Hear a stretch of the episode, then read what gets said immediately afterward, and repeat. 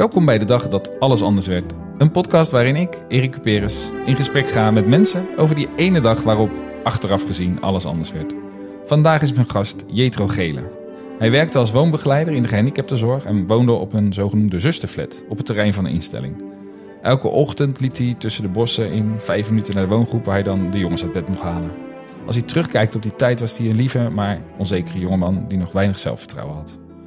Had een paar jaar daarvoor flink geworsteld met wat hij nu echt met zijn leven wilde en wat bij hem zou passen. Hij zat gevangen in de gedachte dat hij niet goed genoeg was en niet veel zou kunnen bieden in het leven. De verwoestende orkaan Katrina trof het Amerikaanse golfkust. Uh, Johannes Paulus II overleed. De Nederlandse filmmaker Theo van Gogh werd vermoord. En het laatste deel van Harry Potter komt uit.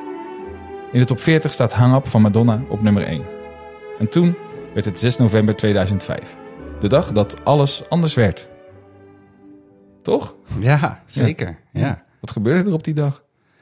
Wat er gebeurde op die dag? Ja, dat was de dag dat ik, uh, dat ik de marathon ging lopen in New York. Oké. Ik neem aan dat je dat niet in één keer deed. Nee, precies. Daarom zat ik ook even te twijfelen. Waar, waar begin ik eigenlijk? Want het is natuurlijk wel een trajectje. Dat doe je niet uh, ineens. Hoe lang train je voordat je marathon kan lopen? Nou ja, ook dat was wel een, een dingetje. Ik, um, ik had eigenlijk nooit nagedacht over hardlopen. Ik vind hardlopen ook hartstikke stom. Toen ook al. Oké, nog steeds. Ja, eigenlijk wel. ja. Uh, ik rookte ook nog volop. Oké, okay. uh, dat werkt ook niet heel goed. Nee, klopt. Klopt. Maar er was een vriendin uh, van mij en die, die liep al best wel wat jaren marathons. En die had, nou, tien jaar daarvoor had ze een keer in New York gelopen. En die had weer het idee opgevat van, nou, ik, ik zou hem nog wel een keer willen doen. Maar dat wil ik eigenlijk niet alleen. En ja, als een soort uh, impulsieve actie uh, dacht ik, ja, dat is tof. Uh, dat, dat is zo'n uitdaging waarbij ik eigenlijk niet weet van, kan ik het eigenlijk wel? Mm -hmm. Dacht ik van, nou, dat ga ik doen. Oké. Okay. En dat was een, nou, volgens mij was het een half jaar voordat ik het ging doen. Dus het was. Nou, en en, en, en er komt dan zo'n gedachte binnen van, oh, dat is leuk. Nou ja, kan, daar kan ik me ja. iets bij voorstellen. Dat ze allemaal wel eens hebben. Maar zat, zat, zat het ook nog een laagje dieper misschien? Of was het echt gewoon... Nee, nou, ik denk op dat proberen? moment niet. Ah, oké. Okay. Nee, nou, nou is het wel zo, denk ik. En dat was toen ook al zo. En nu weet ik dat veel beter. Mhm. Mm -hmm. Dat ik heb wel een uitdaging nodig. Dus ik heb wel voor mezelf het gevoel nodig... Hmm, kan ik dat? En dat is het moment vaak dat ik ook wel aanga. Dat ik denk, oh, wacht even. Dit ga ik wel even proberen. Ah ja, ja. grappig. En dat was, dat was toen ook wel, uh, ja. Want was je sportief op dat moment? Nee. Helemaal niet? Nee. Nee, nee ik was nog wel jong. Ik was, ik Ja. was 22. Ja. Um, Ja, als je 22 bent, vind je dat oud. Ja, klopt. Ja, ja, Als je ja. 22 bent, dan denk je, oh, ik ben volwassen. Ja. Ik ben superwijs. En, Ja. eh, Maar is, is dat niet altijd als je terugkijkt dat je denkt, ach, ik was toen ook nog maar een broekie. Terwijl in het moment zelf, ik, ik heb nog steeds, hè, de, de- als ik dan terugkijk naar tien jaar terug of zo, als je Mm. 30 bent. Dan denk je, ach, dan was ik ook nog maar een broekie. Ja. En dat was toen ook, maar je voelde je al heel wat inderdaad. Ik heb, ik heb Ja. nu ja, altijd als ik in een groep mensen ben, eh zeg maar leeftijdsgenoten, dan denk ik altijd, waarom zijn er zoveel oude mensen om me heen? Ja, nou dat vind ik ook, inderdaad. Maar ja. dat schijnt dus ook universeel te ja, zijn. klopt. Ja. Dat is heel grappig. Nee, maar toen, nou ja, goed, weet je, ik, ik had al wel wat verantwoordelijkheid. Hè? Als, je, als je op een woongroep werkt, eh, ja, dat zijn mensen met een ernstige verstandelijke beperking. Die Mhm. moet je echt helpen met alles. Ja. Eh, dus in die zin eh, had ik wel het gevoel inderdaad dat ik eh, veel verantwoordelijkheid had. ja, dat had je ook echt. Dat was niet alleen Ja. het gevoel. Je had Nee. het ook echt. Klopt, ja. En dat lijkt me dan voor een 22-jarige weer wel pittig. Ja, ja alleen de- dat is ook weer met de, de kennis van nu. Hè? Dat is, Ja. daar ben je niet zo, je groeit daarin. Ja. En het, het lijkt allemaal heel normaal dat je dat, eh, dat, je dat doet. waarom, waarom gaat een jongen van 22 in de gehandicaptenzorg? Ja, je was al idee. eerder begonnen met dat traject. Hoe oud was je toen je wist dat je dat werk ging doen? Ja, 19. 19. Ja, ja ik, ehm, dan moeten we denk ik nog een paar jaartjes terug. Ja? Ik kwam van de MAVO af. Ik wist eigenlijk niet zo goed wat ik wilde doen. Eh, had ik überhaupt niet echt een beeld van... Ja, waar gaat Jetra nou later eindigen? Eh, anderen hadden vaak wel al duidelijk van... Nou, ik wil een beetje die richting op. Ik had geen idee. Het enige wat ik dacht is, laat mij maar werken. Ja. Dan kom ik er wel achter. Ja. Nou, dat heb ik eh, twee jaar gedaan. Wat, dan ben voor, ik- soort- wat voor soort banen? Ja, daar ben ik echt diep ongelukkig door geworden. Eh, ik ben begonnen in de, de kledingwinkel. Ja. merkkleding verkopen. Ik merkte al heel snel dat, ja, ik, ik was in die zin geen verkoper. Ehm, als ik er niet in geloof, dan kan ik het niet verkopen. Daar kwam ik toen wel achter. Hmm. En toen ben ik zelfs in een magazijn gaan werken van eh, de Phonehouse destijds. Ja. Dat was nog in de tijd dat eh, de eerste mobiele telefoontjes eh, opkwamen. Ja. Met, met van die knopjes en nou ja, antennes. Ja. Kon je antenne eraf schroeven en zo'n lichtgevend antennetje terugschroeven. Ja, precies, die. Ja, Dan kon je ja, ja. zien dat je gebeld Ja. werd. Nou ja, en toen, dat was wel echt een, een moeilijke tijd, omdat ik dus heel erg voelde van, ja, ik pas hier niet. Dit is niet waar ik wil eindigen. Mhm. Ik kan veel meer. Je was toen 17 of zo. Eh, nee, ik was toen eh 18, Ja. denk ik. 18, Ja. 19. Ja. Ehm, maar ja, het, het, het voelt gewoon heel naar als je eigenlijk weet van, ik kan meer, maar ik weet mijn god niet welke kant ik op moet. Nee. Richtingloos. En eh, de- de- deed je dan dingen die niet goed voor je waren ook? Ik kan me zo voorstellen dat zo'n net prepuberachtige... Nee, je bent net voorbij. Ik had, het, ik had het heel makkelijk kunnen doen. Gelukkig. Niet? Nee, nee, Jointjes drinken. nee, nee, nee, gelukkig niet. Maar eh, ik zat dus wel in een werkomgeving waar regelmatig gesnoven wordt Ja. en, eh, ja, en, en gejat. En, Ja. dus ik had ook zoiets van, ik moet hier weg. En toen kwam ik eigenlijk, bij toeval kwam ik bij ehm, eh, mijn, mijn ex-schoonouders was dat. Ik had een Mhm. relatie gehad en die ouders die werkten altijd weer in de gehandicaptenzorg. En eentje daarvan in de kaarsenmakerij in Soest. Oké. En die zei, joh, ga eens een keer een dagje kijken. Ja, dus die relatie was voorbij, maar die schoonouders waren Ja. op het goede pad. Ja. Ex-schoonouders. Ja, blijkbaar heb ik toch iets goed Ja, ja. gedaan daar. En van elke relatie kun je iets leren. Nou, Dus, precies. Ja. Ja, ja. Dus, ehm, en ik, ik vond dat wel spannend, want ik had, en ik denk dat heel veel mensen dat hebben als ze, als ze het niet kennen, is dat ze denken, oh jee, help. Ze kwijlen allemaal en eh, straks ga ik lachen om ze. Ja. En eh, dat waren de gedachten die ik had. Ik dacht van, oh jee, ik mag niet lachen. Het Ja. moet wel serieus. Ja. Het is erg. Het is ja heel het is erg. heel erg. Het is, Ja. ja. precies. En uh, wat een dankbaar vak en zo. Ja, ja. Al Nou, ik heb, ik heb nog nooit zo'n mooie dag gehad als toen. Oké. Eh, mijn moeder zei destijds ook van, joh, je bent met zo'n grote grijns thuisgekomen. Dat, dat, ik wist gelijk van, nou, dat moet je doen. En dat was voor mij ook kristalhelder. Dit was mijn, ja, dit was mijn, eh, mijn roeping, Ja, voelde het zelfs. Ja, dan krijg je Ja. dat soort woorden, hè? Vre- Ja, Vreselijk, precies. toch? Ja, achteraf vreselijk. Ja, nee, nu- ik hoorde ja. het woord ook al gelijk. eh. Ja. Maar dat vind ik zo interessant. Dat best al wel vaak in deze podcast, als het gaat over werk of eh, na- een omwenteling of wat dan ook, dat er inderdaad zo'n moment is waarin ineens heel duidelijk is Ja. van oké, maar dit is wat ik eh, moet doen of te doen heb hier. Of te Ja. doen, misschien is dat, dit is wat ik te doen heb. Ja. Inderdaad, alsof je er ook geen keuze in hebt. Nee, en, Bijna. en misschien no- nog dichter bij mezelf. Niet eens zozeer wat, wat ik te doen heb, maar dat ik dacht... ja, hier wil ik heel graag zijn. Ja, Deze omgeving, deze mensen... dat past zo goed bij mij. kun je dat Eh. beschrijven wat dat is? Wat, wat het maakt dat dat zo goed bij je past? Ik denk dat ik dus een paar jaar heb gehad... waarbij ik dus heel het gevoel had... dat ik niet in een omgeving zat wat bij mij paste. Dus dat ik Mhm. heel erg zoekende was... ja. waar hoor ik dan thuis? Wat is dan mijn, mijn En had het dan waar- te maken met dat het geen voelde alsof het weinig zin had of zingeving had of zo? Of waar, waar, waar zit dat in? Ik, bedoel, ik, Ehm. ik, ik kan me heel goed voorstellen dat, dat er weinig mensen zijn die denken: ik wil de rest van mijn leven bij de phonehouse.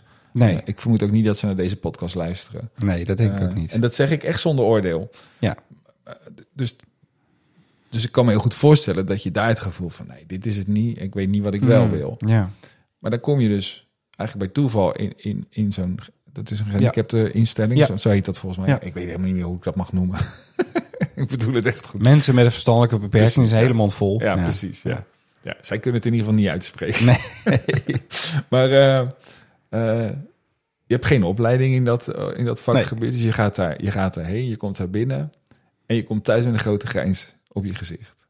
Wat, wat, wat is dan het verschil? Wat, ja, moet toch, ik moet het toch van je horen. Ja, wat is het verschil? Ja, wat is dat dan? Ja, we hebben het natuurlijk over voelen en dat is lastig onder woorden brengen. Ja, ja. Nou ja, en, en het enige wat ik dan kan zeggen is, dan gaan we nog verder terug, Mhm. is dat ik eigenlijk van kinds af aan altijd al het gevoel heb gehad net even anders te zijn. Mhm. Ehm, ik hield niet van voetballen, Nee. bijvoorbeeld. Nou, dat is als jongen is dat best gek. Tegenwoordig niet meer, maar toen Ja. was het best gek, want Ja. je hield van voetballen. Ja, je zat ook op voetbal. waar je vandaan komt. Dat zou kunnen, ja. Ehm, ik was meer met, eh, met meiden aan het kletsen en aan het spelen dan met jongens. Ja. Ik hield ook niet zo van dat macho gedrag en de competitie. Val je overigens op jongens of op meisjes? Nou ja, ik val dus gewoon op meisjes. ja, precies. dat is, Nou ja, dat is een logische vraag dan toch? Maar destijds was dat... ehm, nou, dat is me wel eens gevraagd. Wel vaak inderdaad van, joh, eh, val je op meisjes of op jongens? En ik weet heel duidelijk dat ik op jongens val. Ja. Op meisjes val. ja. Uh-oh. uit de podcast. Jetro is zojuist uit de podcast gekomen. nee. Een dodelijke verspreking ja, dit. ja. Oh, Freud, zo, zo, die ligt echt wel. Iedereen van toe denkt, ja, dat is toch. We gaan ze allemaal tegen. Nee, maar je valt op mij. Nee, maar goed, dus ik heb eigenlijk altijd het gevoel gehad dat ik wel anders was. Hmm. Eh, andere humor of nou, net niet helemaal aansloot. Ja. Ehm, en dat was denk ik het eerste moment dat ik dus echt voelde van ja, maar hier sluit ik echt aan. Hier, Dat is ook een hele gekke zin, hè? Dat snap je wel, toch? Ja. Sorry. nee, maar hier kan ik echt van waarde zijn. En, en ook de, de collega's dat ik dacht van ja, maar dit zijn zulke fijne mensen. Hier wil ik wel onderdeel van uitmaken. Het is ook een, eh, eh, het is zorg. Dus, Ja. dus ik neem aan dat je dan ook een soort zorgende kant in hebt. Ja, ja, enorm. Ja. Ik denk dat dat meer vertegenwoordigd was inderdaad dan eh, commercieel. Of, Ja. En ehm, soms wordt wel eens gezegd over mensen die eh, graag voor anderen zorgen, dat eh, dat, dat een soort eh, manier is om beter gezien te worden. Ja, ja, zeker. Ja? Ja, denk ik wel. Ja, ik denk dat al die ehm, uitspraken natuurlijk wel waar zijn Mhm. hè, in het begin. Ik denk dat het heel fijn is als je dat gewaardeerd wordt. Ja. En als mensen, als mensen inderdaad, als je mensen kan helpen. ja. Ja. Maar je voelt gelijk dat je van waarde bent. Ja. Letterlijk. Ja, Ja. precies. Ja, En, volgens- en op de, volgens mij de meest pure manier, zeg maar, die je kan ervaren. Hè? Want, ehm, en dat is wat ik nu nog soms wel eens besef van... eh, als je dat dus niet hebt en je werkt gewoon bij een commercieel bedrijf... ik zie dan ook wel wat, wat er anders is. Hè? Dat mensen dat veel meer proberen te stoppen in materiële zaken. Mhm. Ehm, ja. Ja. ja, ik denk dat ieder mens eh, op de een of andere manier eh, van waarde wil zijn. Ja. En, en dat wil je voelen. En als je dat niet voelt, direct voelt in je werk, dan zul je het op een andere manier ga je het compenseren. Ja. zoek- zoeken of willen ervaren. Ja. Ja. Dat is een beetje wat het brein doet. En we willen ook nog autonoom zijn, het liefst. Ja. Zelf bepalen een beetje hoe het gaat. ja. Hoe is dat in de zorg? Nou, dat was... Kun je daar een beetje autonoom zijn? Ik werd eh, de, de jonge hond genoemd. Ah, ja. Eh, dus ik was wel inderdaad degene die eh, ja, gekke dingen uithaalde. Veel humor, Mm. veel laten lachen. Ik merkte toen ook al wel dat dat ook wel een beetje mijn tool was. Ehm, juist ook bij mensen met probleemgedrag. ja. Eh, kijk maar of je ze even van hun, eh, van hun pad kan brengen door wat humor. Ja. Eh, lekker overdrijven of juist niet. Of... Ja. En dat werkte altijd wel goed. Dus ik was altijd eigenlijk wel bezig met, met lol, met grapjes uithalen. En op die manier eigenlijk ja, mensen een fijne dag te geven. Comic Ja. relief. Ja, dat denk ik. Ja, ja. Ja, je was een soort, soort, soort onbewuste kliniekclown. ja precies. ja. Ik dacht, Nee. oh, daar komt hij weer. Ja. Nou ja, wat ik wel merkte is dat, dat er soms een bepaalde eh, spanning was. Het, ook tussen bewoners onderling. Mhm. hè. En dat als ik het bewust inzet inderdaad, ja, dan was die spanning weg. Want ze waren gefocust op mij. Ik dacht, Ja. nou, je kan beter focus op mij hebben. Ja, precies. En eh, op die manier de spanning een beetje kwijtraken... dan dat dat elke keer op elkaar eh, eh, ingezet wordt. En, en eh, de- de mate van handicap, want dat maakt ook nogal Ja. verschil, toch? Ja. Als je cognitief echt uh, verstandelijk eh, vermogen hebt van een zes jaar, dat is wel makkelijk qua humor. Ja. je, Ja. laat, je laat het scheten en het is lachen. Maar dus, wa- wat voor soort mensen werkt jij mee? Ik ben begonnen met mensen met echt een ernstige verstandelijke beperking. Ja. Eh, die noemen we ook echt ons, onze jongens. Ja. ik vind dat nu verschrikkelijk, maar toen was dat... Ja, waarom hoe dat waarom vind je dat zo erg? Omdat het... Ik vind het denigerend. Onze jongens? Ja, Oh, wat grappig. Ik Ja. vind het heel liefdevol klinken. Ja, dat, dat klopt. Dat vond ik toen ook. Eh, maar daarmee eh, eh, ga je voorbij aan de individu en maak je er een groep van. En wat daarbij hoorde was bijvoorbeeld... onze jongens drinken allemaal koffie met melk en suiker. Oh ja. Nou, daar heb ik toen ook mijn afstudeeropdracht over gehouden, mijn presentatie. Waarbij ik alle toehoorders, zeg maar ook docenten en familie... dus allemaal standaard even koffie met melk en suiker ging geven. Ja. Want ja, dat vinden jullie toch allemaal zo lekker. Ja, ja, ja. Dus dat, dat zit er bij mij ook aan vast. Hè? Dat ik denk van ja, als je het hebt over onze jongens, dan wordt het een soort van onze kinderen. En het zijn Mm. niet onze kinderen. Mm. Het zijn individuen die je met dat respect eigenlijk zou Ja. moeten behandelen. Ja. Ondanks dat ze soms het niveau hebben van een baby. Ja. Ja, het blijven mensen. Ja, Ja. Ja. We- levende wezens. ja. Maar goed, dat, de, de- weet je, dat is, Ik vind ik vind het ook mooi, want het is ook mijn, denk ik, mijn ontwikkeling geweest. Hè, Mhm. dat ik daarin ingegroeid ben. En ik was dus die jonge hond. En ik heb daar drie jaar, zeg maar, heel veel geleerd op dat terrein. Eh, maar Ja. ook daar kwam ik eigenlijk wel op een vlak dat ik dacht... ik wil hier niet blijven, want ik denk Mm. dat ik meer kan. Ik Ja. denk dat ik beter kan dan wat ik nu presteer hier. Ja. Je woonde daar ook in de zusterflat. Dat is trouwens wel een leuke plek voor, eh, voor een, eh, een gevoelige jongen die toch op vrouwen valt. of, of zit ik nu helemaal in mijn eigen verhaal? ja, ik weet niet welke gedachten jij erbij Nee, hebt. maar ik vind Ja. het ook zo heerlijk. Het is, zo, het is bijna jaren tachtig of zo. Het is zo seksistisch. De, Ja. zus, de Ja. zusterflat. Ja. Überhaupt de term zuster vind ik al echt... eh, Nou ja, het, het was niet eens een officiële zusterflat inderdaad. Nee. Het was gewoon een, een oud gebouw inderdaad, waar dan toch weer mensen eh, kwamen wonen. ja, Maar ik was daar zeker niet de enige jongen. Nee. Het was best wel eh, gemêleerd. ja. Ja, en er gebeuren wel de raarste dingen inderdaad, dat klopt. Mm. Ja, ja. Wel een mooie tijd Andere, inderdaad. andere podcast. Ja, Ja, want je was ook... Dat, dat, eh, dat zat in de intro. Je was ook een beetje onzeker. En je was toch een zoeker. ja. ja. En eh, je zei ook dat je veel rookte. Ik zie dan ook check voor me. Nee, geen check. Nee, nee, gewoon nog wel de sigaretten. Ja. Maar wel, eh, ja. Ik denk dat ik een pakje in twee dagen wel opging. Ja. Ja. Jongen. En ehm, nou, elke ochtend hup, naar je jongens. Ja. Het is wel interessant hoor, wat je daarover zegt. Want het klinkt echt, echt als een soort liefdevolle... en je hebt volgens mij helemaal gelijk. Het zijn niet jouw jongens, het zijn gewoon cliënten. Mensen waar je voor eh, ma- mag werken, mee mag werken, voor mag zorgen. Ja. Nou, kijk, het, het hoeft ook niet verkeerd te zijn. Ehm, en ik denk dat het ook te maken heeft met de ontwikkeling die je zelf maakt. Dus Hmm. ook de, misschien de doelgroep waar je uiteindelijk naartoe wil. Ja. Ehm, want die benadering, zeg maar, als dat je voor je kinderen, weet je, dat Ja. is heel goed en liefdevol. Ja. Maar waar het volgens mij, wat het lastig is, is inderdaad dat je uiteindelijk in een soort standaard automatisering komt. Ja. Onze jongens uit bed trekken, onze Precies. jongens eten en drinken. ja. En dat is je vooral had voor gemalen voer, hè, je had gemalen voer, Ja. gemalen eten of niet gemalen eten. Dat ja. kwam gewoon in bakken. Ja. Ja, dat, dat, Ja. Hey, maar op zich wel, want maar dat is ook, correct me if I'm wrong. Ik vond wel dat toen de tijd waren er in ieder geval van die van dat soort plekken. Ik zie een plek in de natuur voor me waar, eh, waar best wel wat rust was en ook wat aandacht en tijd. Maar die zijn inmiddels allemaal weggesaneerd. ja, klopt. Dus volgens mij is die zorg, is, eh, afgezien van de termen, is het er niet echt beter op geworden in de afgelopen Nee, jaren. nee, Nee. nee. Daar zie je eigenlijk hetzelfde fenomeen eh, terugkomen. Hè? Is dat ook daar weer een soort collectief is gezegd. ehm, ze moeten allemaal de wijk in. Ja, En, en, en ja, daar gaat het vaak natuurlijk fout. Het is Ja. gewoon maatwerk. ja, De ene cliënt die gedijt heel erg eh, in, in, in de wijk ja, en de andere niet. ja, precies. Ik ken verhalen van cliënten die zeg maar voorheen altijd eh, buiten liepen en nu ja, met probleemgedrag binnen zitten. Ja. Ja, dat kon niet de bedoeling zijn. eh, Nee. nee. Het is heel vaak dat dingen gebeuren terwijl ze niet de bedoeling zijn. Maar goed, terug naar jou. Ja. Ehm, Ja. 22 jaar inmiddels, volgens mij. Ja, Stevig rokend. En Ja. dan ineens zegt een vriendin tegen je...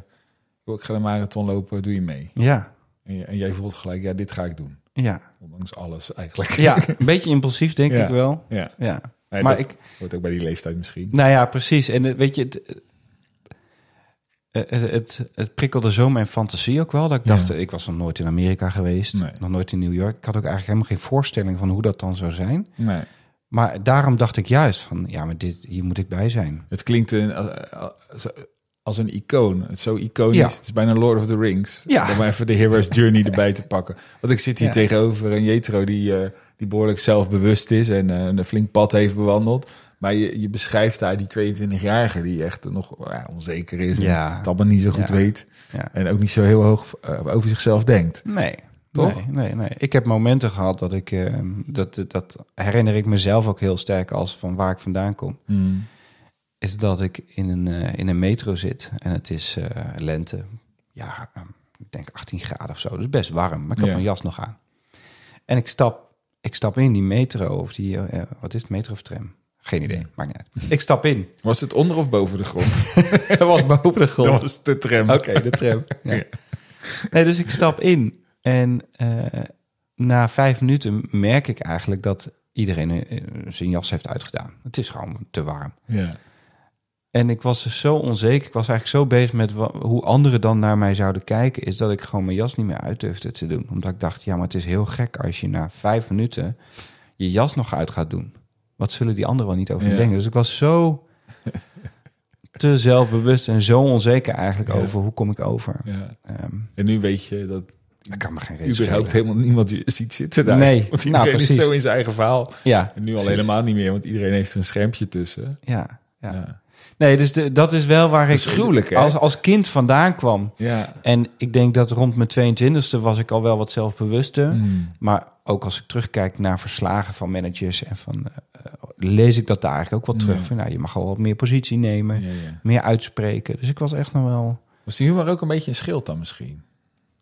Ja, zeker. Ja, Of toen maar een grapje maken en dan letten ze niet zo op. tuurlijk. Ja, ja, ja, ja. Want ergens voor staan, echt ergens voor Ja. staan, dat vond ik heel spannend. Ja. Ja. Ja. Heb ik ook niks mee. Dit is het moment dat je er even reclame kan maken. www.ergensvoorstaan.nl ja. Ehm, ja. Ja, maar ik herken ook heel veel in je verhaal hoor, eh, Jetro. Eh, bij mij was het dan niet in de zorg, maar was het het eerste moment dat ik op een podium eh, terecht kwam. Eigenlijk ook een beetje per ongeluk. En dat ik dacht, oh, maar dit is het. Dit is het. Ja, Gewoon dat. En, ja dit kon- kan ik. Ja, ik kon helemaal niet verklaren wa- wat het dan precies was. Nee. Hier moet ik iets mee. Nou, dat is best goed gelukt. Ja, Uiteindelijk. Ja. Ja. Maar is het voor, je- werkt het voor jou dan ook als schild? Toen wel. Veilig? Ja. Ja. kijk, ik kan nu, want dat is de grap. Wij kunnen nu, nu wat ouder zijn, kunnen we dit gesprek voeren en terugkijken. En daarmee kleur je zelfs de herinnering. Ja. Eh, want op het moment dat jij daar zit met die jas, dan, dan de- de- daar is dan nog een stuk wat dat bewustzijn niet heeft. En dan is het eigenlijk alleen maar pijnlijk. De- Heel pijnlijk, ja. Ja. ja. Dat je dan denk, ook denkt van, ja, dan doe ik hem uit. Misschien heb ik, Nee, al, ja, misschien was- heb ik al wel gezweten. Het, was een diepte, het was een dieptepunt hè, Ja. in, eh, eh, in mijn leven toen inderdaad. Daar heb ik ook wel hulp voor gezocht. Ja, ik dacht van, ik kom hier niet meer uit. En, en dat is dus heel interessant, want feitelijk is natuurlijk een gebeurtenis van niks. En, met Nee. alle respect voor Ja. je gebeurtenis. Want ik, je weet, ik begeleid familieopstellingen. En, en, en daarin komen soms mensen met trauma's. Nou ja, de- dit is echt onvoorstelbaar wat die hebben meegemaakt. En die doen daar heel luchtig over. ja. En andere mensen komen met iets wat heel triviaal lijkt, zo op het eerste gezicht. En, en hebben, daar, eh, hebben daar. Maar volgens mij is het gewoon dat je als mens dingen meemaakt. En, en die dingen die je meemaakt, die leren je iets over het leven. Ja. Eigenlijk is dat het. Ja. Dat is misschien wel de samenvatting van het leven. Er gebeuren dingen en daar doe je iets mee. Of Ik- niet. En Ik vind het ook altijd lastig als mensen een Hmm. soort oordeel hebben inderdaad over of iets wel of niet erg is. Of Ja. hoe erg het dan is. Omdat ik denk van ja, jouw pijn is jouw pijn en mijn Exact. pijn is mijn pijn. En niemand Ja. kan bepalen hoe heftig dat Nee. is. Nee. Eh, dus, dus enige bescheidenheid is wel Ja. plaats dan. Ja, je kunt het ook zeker niet vergelijken met elkaar. Nee. En ik vind het eigenlijk wel, eh, wel eh, mooi dat je zo helder hebt van... nee, maar dit maakte ik mee en dat was zo'n dieptepunt. Ik heb er hulp voor gezocht. Ehm, ja, weet je. Ik heb pas heel laat in mijn leven hulp gezocht. Eh, echt professionele hulp, omdat mijn ding was altijd... ik kan het zelf wel. Ja. Ehm, ja, dan kom je er ook achter dat dat ook onzin is. Want we Ja. willen allemaal Ja. wel een handje hulp, kunnen allemaal een Ja. handje hulp gebruiken, weet je wel. Ja. Nou ja, goed. Dus je zat in die tram, want het was een tram, het was boven ons, Ja. beetje te zweten. Ja. En je dacht dat al die andere mensen die lekker hun jas hadden uitgegaan, zo'n Ja. beetje naar jou zaten te kijken. Wat een sukkel, die Ja. doet, doet zijn jas niet uit. en Ja, oftewel, ik had mezelf mentaal dus eigenlijk zo ingebokst... Ja. dat ik letterlijk gewoon geen beweging meer durfde Nee. te maken. Dus ook geen keuze meer durfde te maken Nee. in... ik ga weer in actie of zo. Nee. nee. En toen was het, dat was net voor of na de... Nee, dat was wel flink wat jaren, zeg maar, voor, Ja. voor, de, voor mijn 22e. Ja. Ehm, maar was wel een van de momenten inderdaad die ik onthoud als van, weet je, daar, Hmm. daar kwam je vandaan. ja. Eh, Maar dat had ook te maken, denk ik, met wat je net schetst van... eh, eh, ik ben anders. Ja, De werkelijkheid is natuurlijk, we zijn allemaal anders. ja, precies. Ja, gelukkig maar. Ja. Je voorstelt dat iedereen hetzelfde zou zijn. Ja. Ja, Op Instagram lijkt het wel zo, toch? Nou, ze proberen allemaal Ja, zijn. Ja. Ja. Ik moet altijd denken aan die scène van, dit is volgens mij de Holy Grail. Ja, dan, eh, ik, van, van, Monty, van Monty Python, die film. Ja. Daarin, daarin is er een figuur, die wordt door iedereen als Jezus gezien. Eh, Brian. Oh, het is de life of Brian natuurlijk. En, en dan staat Brian op een gegeven moment voor een menigte en dan houdt hij een speech. Dat is eigenlijk onbedoeld. houdt hij een speech en dan staat er zo'n massa. En dan zegt hij op een gegeven moment... You are all individuals. En dan hoor je die hele groep... We are all individuals. en dan zegt er eentje... I'm not. Vind ik altijd zo'n goede grap. Maar goed. Ja. Ja, nee, we zijn allemaal anders. Alleen dat is ook... eh, Als je, als je dan jong bent en je hebt dat onderzoek nog niet gedaan... dan is dat pijnlijk. Want dan, dat maakt dus eenzaam. Je voelt je... een- Het is niet Ja. eens dat je anders voelt. Je voelt je eenzaam. Ik denk dat dat het, dat dat het woord is wat erbij hoort. Niemand begrijpt me. Ik ben alleen. Ja, Zoiets. ja. Eh, misschien allemaal. Ja, Ja. ja. En niet zo bewust, denk ik. Nee. Hè? Dus dat is wel. Dus, dus ergens is er dan zit er ook een soort schreeuw om aandacht. ja. Ehm, Zie en ik denk dat dat samenkwam. Dus toen ik, toen ik in de zorg belandde, dat ik dacht: Ja. hé, hey, maar hier kan ik wel van waarde zijn. Word ik dus ook gezien op Precies. wat ik kan. Ja. Ehm, Hij is ja. ook een beetje ongezond, eigenlijk. Ja, Een beetje. Ja, nou, ik denk dat de- als je zo even door de bevolking van eh, in de zorg kijkt, Mhm. denk ik dat eh 90% om die reden de zorg in gaat. ja. En dus ook blijft in de zorg. Ja. Ik ben het met je eens eh, dat je die reflectie hopelijk wel een keer doet Mhm. in je leven. En dat ook weer ontgroeit. Ja, het is een transactionele relatie. En werken is sowieso een transactionele relatie, want je doet iets en je krijgt er geld voor. Ja, dus dat is niet erg. Ja. En dan de transactie die hierbij komt, is inderdaad dat, dat wat ervoor zorgt dat je je wat beter gaat voelen. Ja, Dat is grappig. Je gaat in de zorg werken om je beter te voelen. Ja, ja, maar dat, Ja. in die zin, eh, mensen zeggen altijd van wat mooi, eh, dankbaar Ja. dat je het doet. Ja. Het is hetzelfde inderdaad als dat je bij een bank gaat werken. Ja. Je krijgt er iets voor terug. Ja, en Want oh wee als je het niet terugkrijgt. Hè? Want we hebben natuurlijk Mm. een transitie gehad van, van zorgen voor naar zorgen dat. ja. Waarbij je dus niet meer per direct degene bent die zorgt voor. Mm. Nou, dat heeft heel veel weerstand opgeleverd. ja. Ja, dan vonden mensen opeens dat die relatie heel belangrijk was. Ja, ja, ja. Ja. Het, eh, ja. Het zou wel interessant zijn als je dat wat meer centraal zou stellen. Ook gewoon in het denken in de zorg. Als, als dit stukje ook gewoon wat meer aandacht zou krijgen. Hey, wie ben jij en eh, waarom werk je hier eigenlijk? ja. Ja, grappig. Nou ja, goed, oké. Ja. Eh, ik, dwaalde, ik, draal, ik dwaalde systemisch af. Want ik wilde nog weer terug naar jou. Dus we hebben dit... En je zei ook, ik heb hulp gezocht. Dus Ja. wat voor soort hulp was dat? Eh, psycholoog, Ja. een aantal gesprekken. Ik noem het ook wel eh, mentale APK, zeg Ja. maar. Af en Ja. toe dan eh, kom je er zelf niet uit. En dan, eh, Iemand die goede vragen stelt. ja, precies. Ja. Veel reflecteert ook. Hoe is het En, met eh, je? Ja, Hey, je, zegt dit en volgens mij, eh, ik zie dat, klopt het. Ja. Zoiets. Ja. Ja, Weet je ja. wat ik nu aan het doen ben? Ja, dankjewel. Maar dan, Moet ik straks afrekenen of niet? Nee, we zetten het online. Dan kan iedereen mee. dat is, dat volgens mij ah, de podcastpsycholoog. Dat, nou, Esther Perel doet dat natuurlijk al. Ja. Maar goed, mooie podcast. Mensen, Ja. Esther Perel, zoek dat op. Ehm, goed, terug naar jou. Dan, eh, dan ben je dus 22. Je hebt al wat APK. Dat is eigenlijk best wel uitzonderlijk ook trouwens. Want Ja. de meeste mensen die lopen pas veel later tegen Ja, die dat wachten soort... er heel lang mee. Ja. Ja. Die sparen alles op. Ja. 40 jaar ellende. En, eh, ja. Ja. En dan vervelende scheiding, sportauto. precies. Nog een kind. dat, nee, dat is pas Ja. als je zes- 60 bent. Oké, Oh. oké. Oh, daar vind ik ook iets van. Maar goed, Ja. dat geldt te zijn. Weer een luisteraar. Nee, klopt. Ik, ik was er redelijk vroeg bij. Ja. En ehm, ja, ik moet zeggen, ik, ik ben daar op zich niet zo... Ik ben er wel open over. Ik, Hmm. ik zie het ook wel als iets wat eigenlijk iedereen... Want daarom zeg ik het ook. Het is een mentale APK. Het is goed om Zeker. eh, af en toe te doen. Omdat je natuurlijk in je leven ook een aantal van die nou ja, groeicrisissen tegenkomt. Waarbij Ja. je inderdaad voor die keuze staat. Van, hey, blijf ik doen wat ik doe? Of ga ik iets anders laten Ja. zien? Ja. Eh, en, en alles schreeuwt dat het moet. Ja, Maar hoe dan? ja precies. En, en dat zijn vaak momenten waar mensen ofwel in een burn-out of overspannen of andere hele Ja. gekke dingen doen. ja, Dus eh, nou, ik heb altijd gekozen om dan eh, met iemand te praten. ja nou, goed idee. Ja. Dus toen eh, zei zij, hey, we blijven het gewoon proberen. Ja. Zullen wij de marathon? Ja. Doe, doe je mee? En Ja. jij, jij zag dat mythische New York voor je. Je had eigenlijk geen idee, je vond het spannend. En Nee. dit vond je dan leuk spannend en je dacht, ja, dit gaan we doen. Ja. Ja, ik denk ook eh, een beetje naïef. Ja, Ik denk, nou, gaan we doen. ja. En eh, ja, ik had er helemaal niet nagedacht over. Moet je dan nou wel of Heel niet eerlijk, roken? als, je- als, je, als je die marathons... Ik, ik heb ook wel eens in Rotterdam gekeken naar...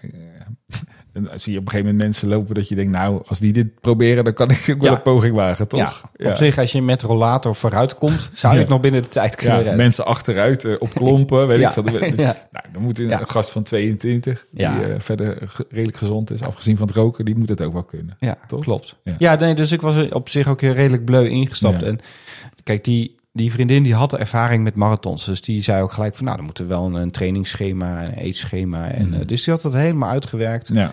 Eh, en we waren volgens mij zes maanden van tevoren begonnen. Dus Ja. ehm, Volgens mij is dat een beetje de limiet eh, voor een goede voorbereiding, heb ik wel eens begrepen. ja, Ja. ja. als, je, als je al wel hard loopt. volgens Ah. mij.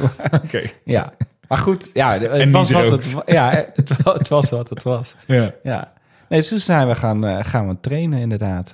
drie keer in de week. Ja. Hardlopen. Soms kort, soms lang. ja.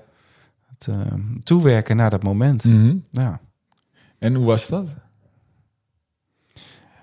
Nou ja, ik denk dat de motivatiedip zo ergens halverwege was. Ja. Ehm, omdat ik hardlopen dus helemaal niet leuk vind. ik vind het saai. Nog steeds?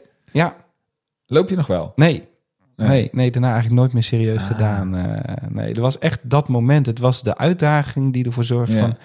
kijken of ik dit kan. Ja, ik ga het Eh, doen. ja, Je had ergens een, eh, een lat hoog gelegd en daar wilde je per se Ja. overheen. precies. Ja. Ja, bewijsdrang. Ja. Ja. Maar wel, ja, weet je... ik, eh, En heb je tijdens het lopen ook nooit gehad momenten dat je het fijn vond? Jawel, jawel. Ik heb die, die runners high, hè, heb ik wel ervaren. Ja. Zo, eh, dat komt ongeveer na een eh, drie kwartier uur, Ja, eh, volgens mij. Ja, Eh, en, en dan gaat de tijd soms heel snel.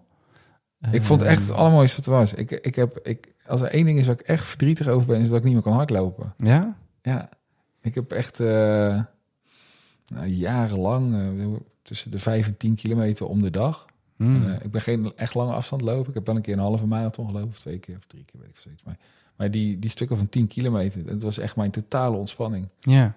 En toen ik daarmee ben gestopt, moest ik ook echt gaan mediteren en zo. Om op een andere manier je hoofd leeg te maken. Ja, ja, ik vind het nu weer in de sportschool. ja. Ja. Ja. Maar echt, eh, ik vond het heerlijk. Gewoon Ja. keer dans en dan eh, op een gegeven moment kom je dan in zo'n flow en dan, ja, soms komt klassieke muziek aan. En, ja, Nee, wat, wat mij motiveerde, maar wat ook uiteindelijk de bottleneck was voor mij Mm. later, Mhm. was dat eh, ook tijdens die training ik elke keer eigenlijk uitgedaagd werd. Ja. Dus dat ik dacht, oh, ik, ik ben nu ongeveer op waar ik moet zitten. Ja. Ik doe nog even 10 minuten extra. Ja. Ik doe nog even. Ja. Ehm, dat was eigenlijk continu wat mij eh, eh, op de been hield. Ja, maar ja. ook waardoor ik heel snel blessures kreeg. ja. Eigenlijk net te veel. Ja, altijd. Net Ja. iets te veel. Hmm. En daarom, ik heb die uitdaging nodig en dan ga ik. Ja, die klinkt ook gewoon een beetje alsof dit in je hele leven zo gaat. Ja, ja inmiddels weet ik wel Ja. eh, dat ik heb een uitdaging nodig. En dan kan ik me erin vastbijten. En dat, dat werkt heel goed voor mij. Ja. En heb je nog steeds dat je dan net te veel doet?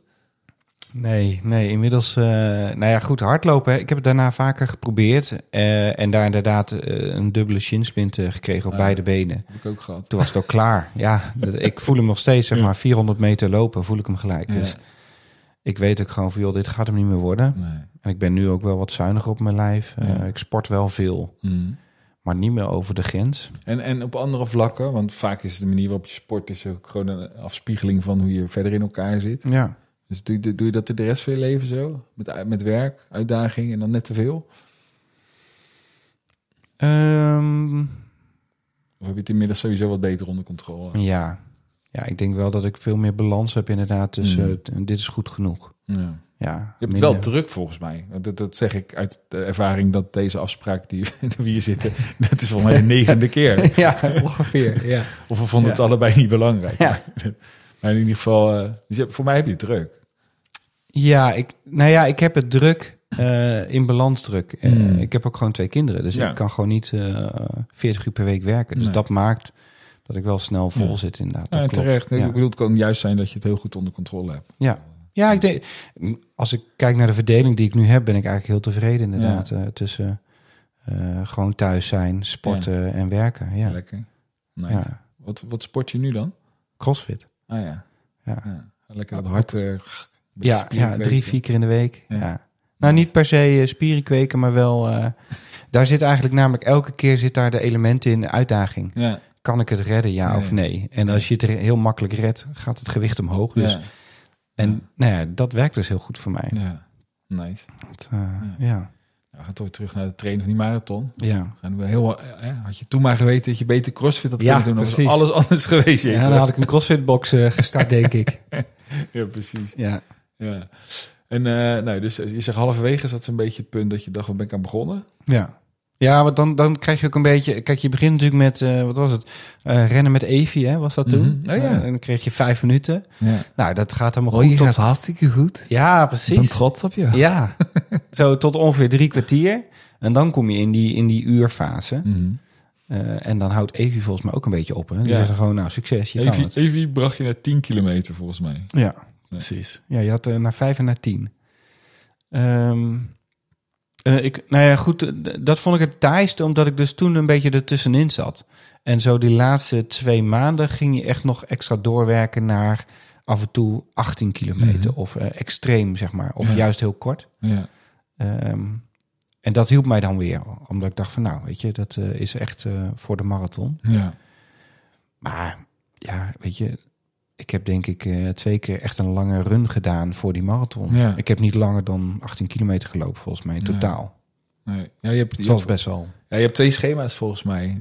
Je had, vroeger trainde je inderdaad echt naar een marathon toe. En daar zat er zelfs nog een keer eh, 35 kilometer in. klopt. Ja. Het schijnt dat dat een beetje het punt is waarop de meeste mensen afbreken namelijk. ja. Wel gepland, nooit Ja. gedaan. Ja, en dan, eh, en dan is er een moderner schema. En dan loop je inderdaad als max 18. En dan Ja. heb je heel veel, eh, ook eh, heel veel intervaltrainingen en zo. Ja, Die zijn wel heel goed voor conditie. Ja. Ja, grappig. Dus, nou, geen blessures opgelopen tijdens de voorbereiding. Nee, nee. Wonderlijk. God, meestal, ja. meestal gaat dat. Dus Ja. nou, rookte je nog? Ja, zeker. Ja. Ja, d- dat was het leuke ook. Ja. Want toen, nou goed, dan ga je, dat stappen je het vliegtuig Ja. in en je gaat met z'n allen daar naartoe. En zo naïef was ik dus blijkbaar. Want de dag voordat we zouden lopen, vroeg ik nog... Ja, zou het heel raar zijn als ik dan tussendoor even stop om een peukje te doen? ja. Waarop die ander zei van, ja, ben je gek? Dat moet je echt niet doen. Ik bedoel, Nee. eh, mensen joelen je uit ook Ja. gewoon. Dus toen dacht ik, oh shit, moet ik een hele dag niet roken? Dat vind ik wel een dingetje. dat, eh, ja, Dat is toch fantastisch? achteraf heel Ja. stom. Ik heb ook mijn hele leven gerookt. En daarom Ja? kan ik er zo hartelijk op lachen. Ja. Komen we zo vast ook nog Ja. wel op. Maar extra knap dus, hè, dat ik een marathon Ja. heb gelopen, ondanks dat ik ook nog rookte. Ja, maar Ja, jij, jij was volgens mij gewoon ook zo'n roker met van nature een gezonde conditie. Ja. En stel je voor dat je niet had gerookt. Holy fuck. Echt. Ja, Want ik kon ook altijd alles, man. Ik, ik zwom iedereen eruit. Ik sportte iedereen eruit. Ja. En ik rookte. En, eh, maar ik had, er, ik had er echt geen last van. Ik had er gewoon geen last van. Nee. Ja, later. ja. Maar goed. Dus we komen we misschien zo nog op. Eh, Ja. We komen aan in New York. Het is de grote dag. We hebben getraind. We zijn Ja. er klaar voor. ja. Beschrijf even hoe dat ging. Wat, wat gebeurde er? Ja. Ja, kijk, het, leuke is, dat het is niet één moment. Hè. Het, het- Mhm. inderdaad, je, je, visualiseert eigenlijk die start. Ja. Je denkt, nou, dan sta je aan die start. En dan knal en dan ga je lopen. Waar, waar start dat ding eigenlijk? Zo'n Ja, ik, beetje. ik weet niet precies, op een Ja. eiland. Ja. Ehm, Is dat Manhattan Island dan? Nee. Zie, zie je New York? Beschrijf even wat je ziet. Ja, nou ja, dat was dus al het gekke. Want ik bedoel, je, je moet dus eh, naar eh, Fifth Avenue volgens mij. Mhm. Daar staan, en dat is om, ik denk om half vijf 's ochtends. Ja. Dus knijten vroeg. Ja. Dus je hebt ook bijna niet geslapen. Nee. Eten doe je ook niet echt. Je doet nog een, een- ja, nou ja, we hadden twee dagen daarvoor Oh, ja. aangekomen. Eh, en dan, dan moet je dus naar Fifth Avenue, want dan moet je met de bus. Want we moeten over de brug naar een eilandje. Ehm, en dan, dan kom je inderdaad in die Fifth Avenue. En dat is een hele lange straat. Ik Mm. bedoel, eh, zover als je kan kijken. En zover als je kan kijken, zie je alleen maar bussen staan. Ja. Alleen maar bussen Ja. en bussen af en aanrijden. Ja. Dat is echt, en vanaf dat moment eigenlijk word je, ja, word je gewoon meegenomen in het proces. Er zijn flow. duizenden mensen die dan zeggen, eh, hier komen, ga maar zitten. En, en word je dus naar zo'n terreintje gebracht. Ja. Iedereen heeft oude kleding aan en vuilniszakken om, om warm te blijven. Ja. Want je laat het daar achter. Ja, dat wordt één grote kleding vuilnisbelt. Ja. Eh, daar kun je dan nog even een, een, een hapje eten. Ja. Maar ook dat was zo'n ding dat ik dacht, ja, maar waar gaan we dan even ontbijten of zo? Ja, ontbijten, ben je gek? Ja. Je wil niet zoveel in je lijf hebben. Nee, Dus eh, doe maar een banaantje en wat krachtspul, maar dat was het wel. een jelletje. Ja. Dus nee, dus dan sta je daar een paar uur te wachten eigenlijk. Want volgens mij startte dat ding om acht uur, denk ik. Ehm, en dan, dan hoor je dus wel ergens hoor je een knal. Maar je staat zelf natuurlijk niet aan die start. Er zijn, eh, ik, ik keek even, ik heb hier ook eh, mijn, eh, mijn certificaat. Ja. Er hebben 36.856 mensen meegedaan. Ja. Nou, ik stond dus niet vooraan.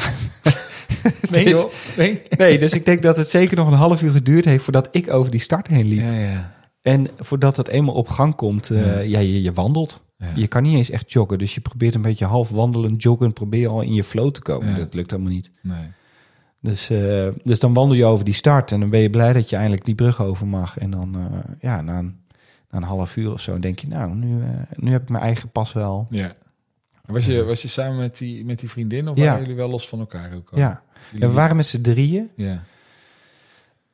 We hadden wel gezegd van, nou, we beginnen wel samen. Maar ja, je gaat niet op elkaar wachten. Dus we zien elkaar aan het einde ook wel weer. Dus we waren elkaar vrij snel, waren we elkaar ook wel weer kwijt. ja. Ehm, En heb, je, heb je zo'n startnummer op? Staat je naam er ook op? ja. Dan hoor je Amerikanen hoor je je naam roepen. Ja, ja, ja, ja, ja. Ja, precies. Heb Ja, en Eigenlijk vooral, een goede uitspraak ook. vooral aan het einde inderdaad. Want Ja. nou ja, je hebt in het begin, ook daar heb je weer, in het begin heb je heel veel energie en adrenaline en Mm. loop je vaak dus ook veel te hard. Ja. Ehm, en dan na een, een uur of zo, dan begint het een beetje in te kakken, wordt het ook wat rustiger. Mm. Kom je ook in gebieden die je niet helemaal kent. Nee. Ehm, en gek genoeg inderdaad kom je dan wel in een soort staat waarbij je tijd niet helemaal beseft. Je bent gewoon bezig en eh, je loopt van, eh, van punt naar punt waar je wat drinkt en dan loop je weer door. Ja. Ehm, maar dat laatste uur, dan kom je weer Manhattan binnen, zeg maar. En dan heb je inderdaad al die duizenden mensen langs de rij die staan te schreeuwen, Ja. eh, inderdaad aan je naam roepen. Ja. Ja, dat geeft wel een kick. Ja. Ondanks dat je zelfs dan, want ik bedoel, ik, ik was dus conditioneel niet heel sterk, dus ik heb echt wel stukken moeten lopen. Ja. Maar als je dan weer mensen hoort schreeuwen, dan ga je toch maar weer Ja. joggen om weer, eh, om weer vaart te maken. Ja. Ja. Je had ook iets uit je wat je dan misschien niet had verwacht of zo. Letterlijk voorbij een grens. Ja. ja, precies. Want ik bedoel, je lichaam had al, al de tien keer gezegd joh, stop ermee. Ja. Ga zitten, ga Ja. liggen, want eh, alles doet pijn. Ja. Je voeten, je armen, je benen, eh, echt alles zegt stop ermee. Maar je hoofd zegt, ja, je moet gewoon door. Het, ja, geen keus. Nee. Voelt als geen Nee. keus. Je had hem natuurlijk wel. Ja, Je kiest ervoor nee, ja, nou in mijn hoofd dan, eh, dat is denk ik ook die uitdaging van, dan, nee, Nee. dat, ik moet en zal er komen. Ja. Ja, En dat bijna lukt. destructief. Ja. Ondanks alles. Of dankzij alles. Ja, Nee, dan kom je die finish over. Het is gelukt. ja, Zoek je mensen op. Je eet wat, je drinkt wat. ja. Hoe voel je je dan? Ik weet dat ik me. eh, het, het was een beetje een mix. eh, want ook dat gaat in één keer aan je voorbij. Eh, want je loopt ook daar weer niet. Je hebt er allemaal beelden hè, van oh, Mhm. een lintje en Ja. foto's. Nee, dat was een paar uur eerder al. Ja. Maar ook daar is het gewoon een Dat enorme, liedje. enorme Ja. stoet van mensen die allemaal aankomen. En er staan een hele rij aan vrijwilligers die gelijk een deken omdoen en je eten geven. En ook alweer doorleiden naar ga daarheen. Want je wil niet bij de start blijven staan. Nee. Ehm, nou, het en irritante van het is ook irritant vandaar, want je moet dan ook nog weer op zoek naar die andere. Ja, En je klopt. Moet, je kan ook niet, je, moet alsnog weer naar je hotel terug. Mobiele telefoons waren er natuurlijk wel, maar Ja. nou ja, dat moesten, ja, we konden elkaar wel bellen volgens Ja. mij. Ja, Ja. ja. dat wel. Ik was de eerste, Mhm. dus ik, eh, ik moest nog even wachten op die andere twee. Ja. Wat ik me vooral kan herinneren en wat ik er vooral heb uitgehaald, wat, nou ja, hè, waarop alles veranderde, ja, was precies. ehm, het gevoel, ik kan dus meer dan dat ik dacht. Hmm. Dat was eigenlijk, fysiek was ik door die grens, mentale grens gegaan van, moet je kijken wat ik dus kan, wat mijn lichaam kan. Hmm. En als mijn lichaam dit kan, eh, dan, dan moet ik mezelf nog meer challengen. Dan kan ik dus veel meer in het leven. Ja. Dat was wel echt een, een, een grote realisatie die ik, eh, nou, zo, zo nu en dan nog steeds wel terughaal. Dat ik denk van, ja, maar moet je kijken wat het lichaam kan. Maar het is ook een interne realisatie. Dit, dit is volgens mij. eh, eh, dit is typisch een zin die anderen uitspreken tegen mensen die het zwaar hebben. En je kan veel meer dan je denkt. Het zit Ja. allemaal in je eigen hoofd. Ja. weet je, ik, ik hoor. Maar dat komt nooit aan. Dat Nee. moet je zelf voelen. Ja. Ja, En het, tenminste, ik, had, ik merkte in ieder geval, ik voelde het. ja. En ondanks, ehm, Zou je het inzicht kunnen noemen? ja, Dat maar inzicht klinkt nog rationeel, hè? Ja. Dat je het met je hoofd doet, maar je... Oh, dat is grappig. Ik bedoel inzicht juist altijd op Omdat dat- je het voelt. eh, op die, ja, in die, in die plek Ja. van binnen. Ja, Dat het echt in je Ja. eh, geïnternaliseerd zit. ja, Ja. Een soort, soort eh, ja, weten. In, gewoon echt, echt weten. ja. Nou ja, in die zin eh, een stukje ehm, zekerheid. Precies. Waarbij ik daarvoor toch nog altijd wel zo'n stemmetje had van... ja, maar dat kan je niet, of Mm. dat lukt je niet. Of eh, had ik nu zoiets van, eh, nou, ik kan veel meer. Feitelijk heb je daar een, een, een manier gevonden om je innerlijke criticasten de mond te snoeren. Ja, Een beetje. ja, En als die dan later zijn bek weer eens open Ja. en zei... Hallo, ik heb een marathon gelopen, gek. Nou precies, ja, Ja. En in die zin ook... Rokend. Nieuws, ja, en, en de, nieuwsgierige jongen zeg maar ook veel meer ruimte te geven. Ja. Nou, weet je, eh, ga het gewoon maar eens proberen. Maar moet je kijken waar je kan komen. Ja, Als je gewoon weer zegt van, nou, laten we het gewoon eens doen. ja. Wat als het wel lukt? ja precies. Het, eh, Wat ja. als alles lukt. ja, Nice. Lijkt me wel prettig en ook, ook vrij vroeg in je leven. Want eh, ja, zeker, ja. Nou, het heeft me ook wel, ehm, wat ik zei, van het, het was voor mij wel de start naar denk ik ook wel mijn, mijn carrière, eh, waarbij ik dus wel het gevoel had hè, de- van nou, hier wil ik niet eindigen, maar wat, wat zit er in mij? En toen dacht ik ook van ja, ik moet ook gewoon aan de bak. Ja. Eh, ik wil ook aan de bak. Ja, want je had ook geleerd, je, eh, je kan fysiek meer dan je denkt, Ja, maar je moet er wel wat voor doen. Ja, ja. God ja, damn it. Ja, en dat ben ik ook wel gaan doen. En dat heeft me echt wel heel veel kansen geboden in mijn latere leven. Eh, door die mindset eigenlijk. Ja. En dat ik... En deed, deed je daarnaast andere dingen in de, in de, in de ontwikkelhoek? Eh want je had een psycholoog, Ja. want daar was je geweest. Ja, je hebt een psycholoog, dat is ook gek. Ik heb een psycholoog, ja, ik heb een handtas. Ik heb mijn eigen psycholoog. Ja, heb altijd bij me. Maar ehm, eh, andere dingen? Oef- be- Nou ja, ik, ik was altijd wel gefascineerd door, door mensen en hoe menselijk gedrag. En Mhm. dus ik had al allerlei coachingsboeken en psychologieboeken al wel Ja. doorgelezen. En ja, dus ik was denk ik altijd al wel heel erg bezig met hoe werkt dat nou in mijn hoofd, maar ook in andermans Mhm. hoofd. Eh, en tussen elkaar. Dus ik was daar wel vrij bewust van. Ja, Ja. ja. Ja, maar, maar je- ja, zou je jezelf een spiritueel iemand noemen? Nee. je kijkt er vies bij. Ja, Ja. het is altijd een lastig woord. Maar goed, Nee, het- spiritueel niet. Ehm, ik geloof wel in, in energie eh, voelen. ja. Ja, moet je vingers in stopcontact doen. ja, zo, of je dat kan voelen. Ja. Nee. Maar, maar daar, daar stopt het ook wel. Ja, ja. Dat, eh, Ja, dat woord is zo... eh, ja, weet je, ik, ik, Sp- Spirit is, is iets van leven inblazen, hè? Spiritueel. Dus, eh, nou ja, goed. Volgens mij... eh, ik vergelijk het vaak met, eh, eh, eh, met eh, de twinkeling van iemands ogen. mhm. Op het moment dat je die ziet, dan weet je, eh, er zit een energie. Hè? Ja. Of wij hebben een Ja. of een energie. Ja, Eh, en dat, ja, daar geloof ik wel in. ja. Ja, het is grappig. Het het woord is een beetje, een beetje besmet of zo. Je bent gewoon een mens. Dat is een systeem. En dat, dat denkt en dat voelt. En, en dat denken en voelen, dat vindt plaats in... Nou ja, laat ik het voor het gemak je brein noemen. Mhm. Maar het vindt plaats in, in iets in jou ergens. En dat stuk is dan het spirituele stuk. Ja. Dat wat ik niet kan filmen misschien. Nou ja, eigenlijk inderdaad, dat, dat wat we niet uit kunnen spreken inderdaad. En de Ja. een kan het meer dan de ander. Ja, Dat noemen we dan energie of spirit- spiritualiteit of onderbuikgevoel. Of, ja, nou ja, ja. Ja. intuïtie. Ja. eh, dat soort dingen. En volgens mij heb je, die, heb je die intuïtie gewoon altijd wel sterk gehad. Dus dan ja. zou het misschien wat meer domein van voelen zijn als ik, als ik dan geen vies woord gebruik. Maar was je altijd een gevoelige jongen? Ja. Ja. ja. Volgens mij komt daardoor ook zo'n boodschap binnen. Want er zijn ook mensen die de marathon lopen. En dan denken, zo, heb ik lekker gecheft. Op naar de volgende uitdaging. Nou, dat is ook het zo. leuke als ik dan mensen vertel over, over die prestatie. Ja. Ja, de meest gehoorde reactie is... Zo, vijf en een half uur? Jezus, niet eens binnen de vier uur. Snap je? Ik had het bewust niet gevraagd. Nee, precies. Ja. Maar, maar weet je, dat was voor mij... De, en dat is ook het leuke. En dat is misschien ook wel waardoor ik soms het gevoel had dat ik anders was. ja. Daar ging het mij niet om. Nee.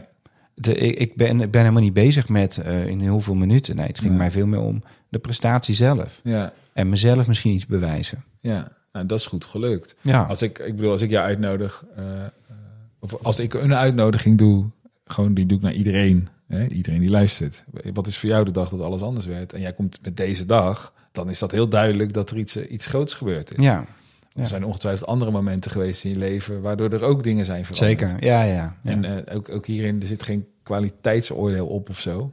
Want je bent ook gestopt met roken. ja Toch? klopt. Wanneer Ja. was dat? Nou, dat was wel wat jaren later. eh. Ja. Dat was een moment dat ik... ehm, ook daar was het weer... Het, ik wilde niet stoppen met roken, want ik wist dat werkt niet. Mhm. Ehm, ik wilde af van het gevoel van afhankelijkheid. ja. Ik was het zat om altijd na te denken over... heb ik nog genoeg peuken bij me? Ja. En toen heb ik een moment gekozen waarbij ik naar een ander, eh, ander werk ging. Omdat ik dacht van, dan kennen ze mij ook gewoon als Jetro die niet rookt. Ja. Eh, dat maakte het voor mij makkelijker. ja. Nou, sindsdien eigenlijk nooit meer gerookt. Het is heel grappig, want wat je beschrijft is precies hoe je een verslaving kan tackelen namelijk. Ja, Dus dat is een hele goede wijsheid die je dan eh, ergens hebt opgepikt, op, bewust of onbewust. ja boekjes hoor. ja, ja. Nee, maar ja, goed, ja, nee, Jan Geurts heeft er een mooi boek over geschreven. Kijk, elke verslaving heeft ongeveer dezelfde oorzaak. En dat gaat altijd over, toch weer over, ik ben, ik ben niet goed genoeg. Ja, En eh, nou, roken lijkt dan ook een manier om jezelf een beetje te versluieren, de Ja. houding te geven.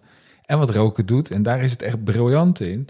Op het moment dat je even stress ervaart, dan loop je naar buiten, dan pak je een peuk en dan ga je even diep ademhalen. En als je dat nou eens doet zonder peuk, Ja. werkt net zo goed. ja precies. Minder heb- slecht. Ik heb wel eens bedacht, zou je niet gewoon een, eh, een dingetje op de markt kunnen brengen waar je hard aan moet zuigen. Ehm nee, maar serieus. Volgens mij, of in, in een later met een beetje een munding of zo. Ja, ja. Verder niks. Dat je dan gewoon naar buiten loopt om even je denkpauzetje te pakken. Ik, ik mediteer vrij regelmatig Mhm. en ik heb zo'n zo'n zo'n app die dan eh, af en toe doet eh, mindful momentje. Dus zodra je dan een plingetje hoort, denk je, oh ja, dan kan je alleen dat plingetje is voor mij al genoeg om even weer in het nu te zijn. Oh ja. Ja. En eh, dat is namelijk heel goed aan roken. Je, je stopt even waar je mee bezig bent. Je loopt naar buiten. Je, je, je haalt een paar keer diep adem. Ja. Ja. verder, het is jammer dat je dan allemaal tyfuszooi je longen Ja, inhaalt. ja. Maar ja, die e-sigaretten natuurlijk, die speelt er een beetje op in. Hè? Maar Ja. die stoppen er toch weer wat nicotine Ja, in. en, en, en je weet, weet je, daar krijg je een of ander vloeistofje wat in China gebrouwen wordt. Je weet echt Ja. niet wat je longen inhaalt. Ik heb Nee. dat ook, dat was bij mij het laatste wat ik gedaan heb met roken. Maar ik heb echt lang doorgerookt ook hoor. Ik ben pas een jaar of zes of zo dat ik echt helemaal niks Hmm. meer rook. En eh, ik zat met die, met die e-sigaret. Ik vond dat eerst super bij de hand van mezelf. Ik ben altijd heel trots op dat ik dat dan... eh zo, ik rook niet meer, dit is echt veel slimmer. Ja. En toen op een gegeven moment stond ik met dat ding op het balkon. En ik, toen keek ik zo naar mezelf. Ik had namelijk altijd nog het idee dat, dat, dat roken stiekem toch ook wel een beetje rock'n'roll was. Weet je Mm. wel? Het is een soort autonomie van, nou, kijk Ja. mij eens, weet je, ik weet dat het slecht voor me is, maar ik doe Ja. al zoveel goede dingen. En dan Dit toch, doe ik bewust. Precies, ja. Ja. En niemand vindt maar autonomie. Ja. Dus, eh en rock'n'roll. Dat is ook nog wel sexy of zo. En toen, nou, dat is het helemaal niet, want het stinkt echt vreselijk. Het is Ja, zo smerig, zo. echt. Alle rokers, jongens, het is goor. Maar, Ja. maar goed. Ja, en zeker niet sexy Nee. En, en ik stond daar met dat elektrische ding. En ik stond zo op het... En toen kwam zo'n rookvolkje met weet ik veel wat voor smaakje. En ineens zag ik dat voor wat het was. Toen moest ik zo mezelf lachen. Toen dacht ik, oké, maar dit is echt klaar. Toen was het ook in één keer klaar. Je bent eh Alles rook met wilde bloesem eh, aan het weg. ik eh, weet niet wat het was, maar het was Ja. echt... En in één keer, hup, de vuilnisbak in. Nooit meer, Nee. zelfs niet eens meer over nagedacht. En ik, Ja. ik, ik vind nu ook echt oprecht, als ik mensen zie roken, vind ik het gewoon zo jammer. En Ja. Mijn kids, eh, eh, 20 en eh, 16, daarvan weet ik dat ze ook allebei wel eens een sigaret opsteken. En denk ik, oh, doe niet jongens, alsjeblieft. Ja, Zo kut. Maar goed, dat is het. ja. Maar, maar ik vind het dus zo interessant dat eh zo'n Jan Geurts, die heeft dan... eh, Jan Geurts, leest die boeken allemaal. Weer een shout-out. Eh, maar als je, die is begonnen met een boek, dat heette Opgelucht. Dat ging dus stoppen met roken. En eh, daarna is hij verslaafd aan liefde gaan schrijven. En verslaafd, Oh ja? verslaafd aan denken. En het is precies hetzelfde mechanisme. Daarom kon hij er zo goed over schrijven. En die man is via Tibetaans boeddhisme... is die, eh, nou, ik denk dat hij wel verlicht of vaak verlicht is. Ehm, maar dat is dus ook via de verslavingen gegaan. Dus eh, via ontdekken waarom je dat nou eigenlijk doet. ja, Die leegte in jezelf opvullen en dan... ja. ja. Ja, en dat is, dat is vaak, hè, de uitingsvorm is niet waar je het moet zoeken. Dus je moet niet inderdaad het symptoom proberen te... Maar je moet zoeken naar waar zit voor jezelf die drijfveer of zo. Of die, Ja. die. Waar zit die verslaving dan eigenlijk? Ja. ja. Het, eh, of, of inderdaad, van waar kun je hem... eh, ja, waar, zat hij bij jou, denk je? Want hoe, hoe lang is het geleden dat je bent gestopt? Nou ja, ik, ik zeg tegenwoordig, bij, bij alles zeg ik nou minstens 20 jaar. maar dat is meer omdat ik zelf zo oud ben Hoe geworden. oud ben je eigenlijk? Bijna 40. Oh, Ja. broekie. Ja joh, precies. Broekie. Over, Ja. over 10 jaar dan maken we nog geen en zeggen, ach, wat Ja. was hij toch. Nee, maar je was, even kijken, want je, je was 22 toen die marathon liep, toen rookte je nog. Ja.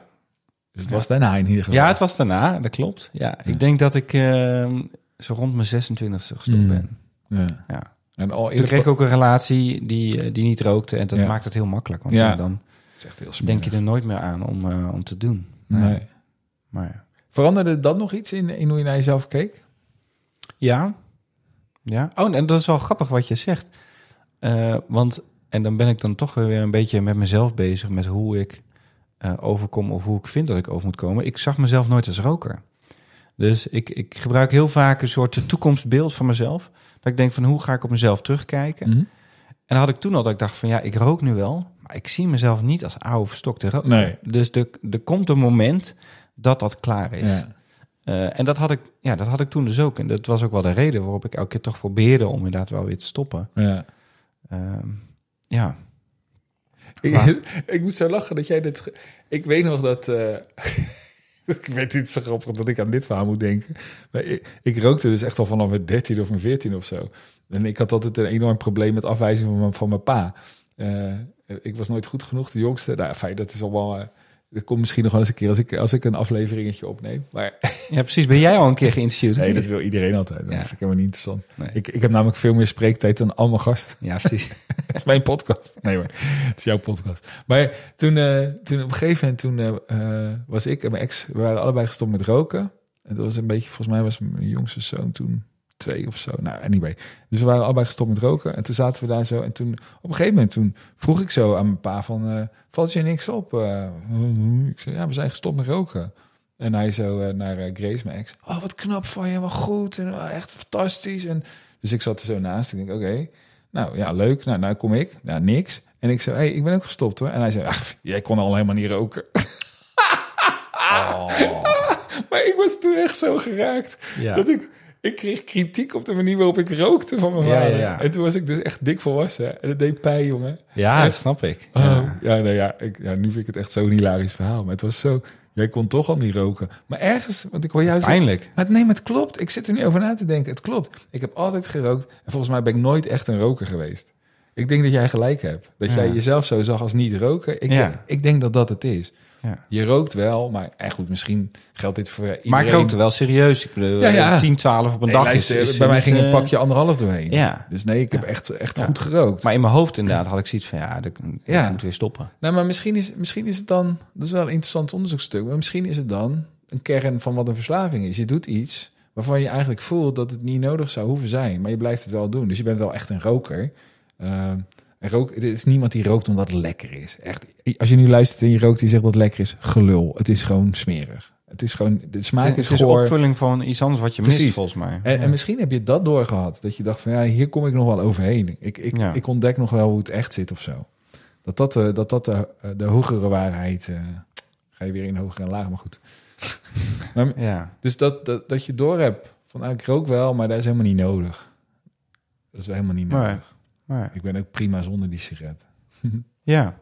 Nou ja, en ik, ik denk dat autonomie, eh, dat ik dat belangrijk vind. Dus ik, ik, ik wilde gewoon autonomie ook weer terug. Ja. Ik vond het gewoon verschrikkelijk dat ik Ja. altijd bezig was dus met, Ja. heb ik ze wel bij me? Echt, maar ik dat, wilde daar dat zo snel van af. toen je dat zei, herkende ik dat zo goed. Ja. Dat eh en oh, heb ik mijn sigaret? Oh, ik heb er nog maar vier. Dan moet ik eerst sigaretten Ja. halen. Of als je ergens op een feest was en het was al laat. Maar het kost ook tijd, jongen. Het is echt en ook gedoe. denktijd. Ja. Ja, Waar ga ik ze dan halen? Dan moet ik eerst nog Ah, langs een... ja, Ik weet nog momenten Of- inderdaad dat het dan 12 uur s'nachts is. ja. En dat je dan om ging rijden om langs een benzinestation. Om ging rijden, ik ging mijn nest uit. Ja, precies. Ik lag soms in bed en dan dacht ik, ik heb twee sigaretten. Ja. En morgenochtend heb ik geen zin om eh, ze gelijk te gaan halen. Nee. Ik, dan stapte ik uit bed. Serieus, man. Ja, bizar. Eh, ja. ja. Sowieso in deze tijdsgeest is het bizar hè, dat je er zoveel voor deed en dat het En- zo normaal was. En ook, ook het aspect waarin ik, ik durf voor mezelf te zeggen dat ik best wel makkelijk deel. Omdat ik gewoon, eh, ja, ik, dat vind ik gewoon veel fijner. En eh, met sigaretten was ik echt de grootste egoïst op aarde. En eh, dat kwam vooral omdat je had van die eikels. die haat ik echt. Dat waren van die meerokers die Ja. nooit rookten, alleen op feestjes. Ja, ja. Ja, dus ik was gewoon wel een roker. Ja, En ik had twee pakken peuken bij me. Omdat ik, wist, gewoon. omdat ik wist dat er van die mensen waren. En dan toch waren er dan zoveel van die mensen. En dan naarmate het feest op het vorderde gingen ze steeds meer roken. En dan stond ik daar en dan had ik nog maar Ja. tien sigaretten. En dan heb je nog peuken voor. Nee man, zijn op. Echt gewoon keihard liegen ook. Nee. Ja, ik, ik vind ook, als je dan rookt, dan moet je ook gewoon echt roken, toch? Dan Ja. moet je er ook voor staan. Ja, Dan, dat, eh, eh, ja. ja. maar dat, Commit het of niet? Oh. Nou, dat half. Ja. Oh, wat lekker dat dat voorbij is. Weet je dat in deze podcast best wel vaak over, over verslaving gaat? Dus over, eh, op wat voor manier dan ook. Dat, dat, dat, dat het gaat over afwijzing, over groei, over ik ben niet goed genoeg. En methodes om dat dan maar te... Mhm. En dat er dan dus iets gebeurt waardoor je, weet ik veel, je vindt ineens je weg. Of je, je maakt iets mee Ja. en ineens zie je dat het fertiel is. En dat het leven eindig is en dat je maar beter ervan kan genieten. ja. Het Maar is is dat ook niet de manier waarop mensen, zeg maar, oud worden? Ja, dus, blijk- eh, blijkbaar. de, ik, ik heb een keer een, stuk gelezen van eh, eh, een psycholoog, Erikson volgens mij. Grondlegger van dus de, de groeipsychologie. ja, nee, andere, andere. Ja. Ja. Groeipsychologie. Ja, en die legt dus uit hè, dat, dat mensen eh, natuurlijk allemaal groeicyclies hebben. Ja. En eh, de eerste is natuurlijk van kind naar eh, adolescentie. En, maar dat er dus veel meer zijn daarna ook. En Mm. wij denken altijd van nou, als je eenmaal adolescent volwassen bent, dan is het klaar. Mm, Maar we hebben er dus veel meer. En Ja. elke groeicycli gaat gepaard met een crisis. ja. En, en ja, het is toch ook dat die twee woorden, die, die, de, er zijn in het Chinees volgens mij heb je twee termen. En die staan inderdaad voor groei en eh, eh, acceptatie. Je zoekt het even op. Maar Ja. het, is, het is zoiets. Het is een klok en een klepel. Ja, Maar ja, die twee ja, tekens voor crisis, Ja. die betekenen eigenlijk iets van kans en, eh, en groei of zo. ja. Samen. Ja, en ik, ik denk dus, hè, als je het hebt over verslavingen, dat iedereen gaat van de ene naar de volgende cycli en Mm. heeft een bepaalde rituelen slash verslavingen Mm. om daarmee te dealen. En waarschijnlijk eh, om soms gezonde patronen op te bouwen, dat je lekker in balans bent. Ja. Maar natuurlijk ook om bepaalde ongezonde dingen een beetje weg te moffelen of Ja. af te leiden. Of, Ja. en ja, noem het een verslaving of noem het een, een patroon of een... Ja, weet je, hoe, eh, hoe verklaren we onze mobiele telefoonverslaving? Mm. Dat is ook een verslaving. Dopamine. Ja, nou ja, precies. Ja, ook gewoon weer een stukje om lekker af te leiden en eh, niet bezig te zijn met het hier en nu. Precies. Ja. Ja. En je bent, je bent namelijk altijd in het hier en nu. Ja, Je vergeet het alleen af en toe. ja, Dat is, eh, het, is zo, het is zo lekker dwellen in het daar en straks. Of in het toen en... eh, nou ja. en soms is het misschien ook lastig om in het hier en nu te zijn, want dat betekent continu dat je bewust bent Mhm. en bewust afwegingen maakt Ja. en eh, er dus ook voor staat ja. en keuzes moet maken. En dat is, denk ik, soms ook gewoon lastig. Ja. En dan ga je liever maar... ja, je eh, kan ook, ja, je kan ook nog weer een paar stappen verder. En dan kom je op het punt dat je ziet van... Ja, het lijkt wel alsof ik keuzes maak. Maar feitelijk worden er gewoon keuzes gemaakt. Ja, ja, dat kan ook nog. Ja, dat is een andere definitie kwestie, ja. Van net Ik- hoe je naar het ik- leven wil kijken. denk ik. Ja. Ja. En dan kom je inderdaad op, dan kom je op, het- op het terrein van vrije wil. Ja, ja. En, eh, laat ik zeggen, de illusie is goed genoeg om het te geloven. Ja, ja, Ja. ja. Hoewel ik me inderdaad afvraag of het zo is. Zeker als ik ook weer zo'n verhaal als dat van jou hoor. Dan denk ik, ja, wat, wat was daar nou vrije wil aan? Iemand zegt het en jij zegt gelijk ja. Dat was helemaal geen keuze. Dat was gewoon iets wat gebeurde. ja. En eh, dat voelt wel als een keuze. Het voelt zelfs als een wijs besluit. Ja, kijk, dat is volgens mij... Nou ja, de odds waren tegen hoor. Ik bedoel, er waren natuurlijk veel meer redenen om het niet te doen. Ja, precies.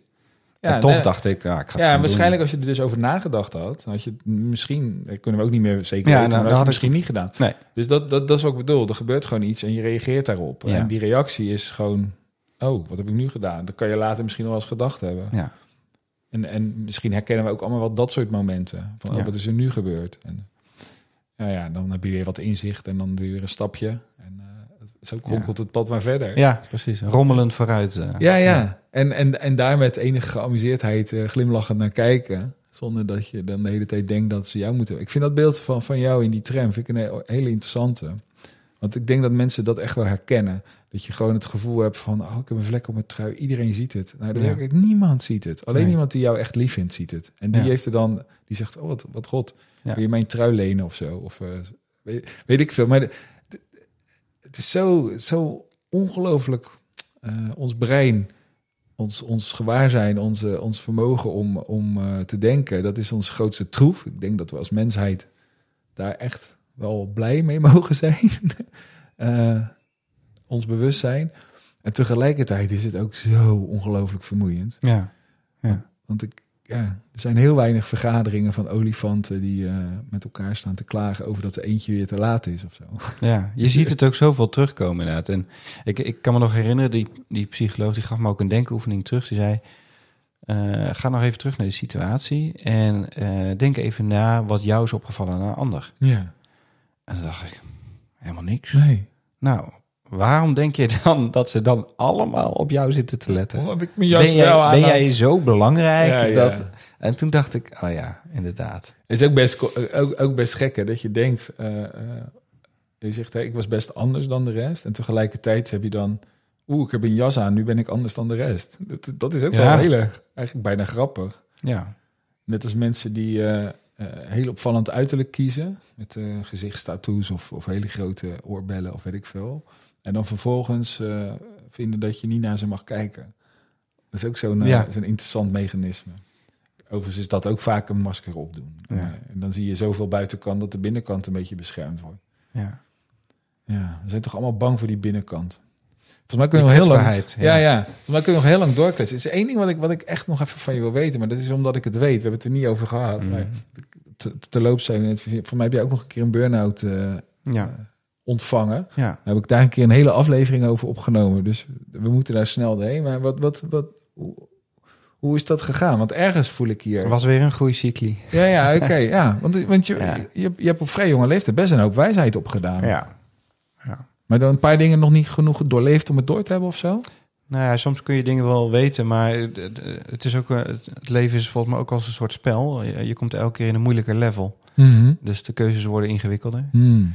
Ehm, ik had inmiddels dus wel geleerd van, hey, ik kan meer dat ik kan. En Ja. eh, dat vertaalde ik eigenlijk in eh, hard werken, veel Ah. ideeën. Ik kreeg ook veel ruimte van mijn werkgever. Dus ik, ja, ik groeide eh, vrij snel naar wel een, een andere positie, hogere positie. Ja.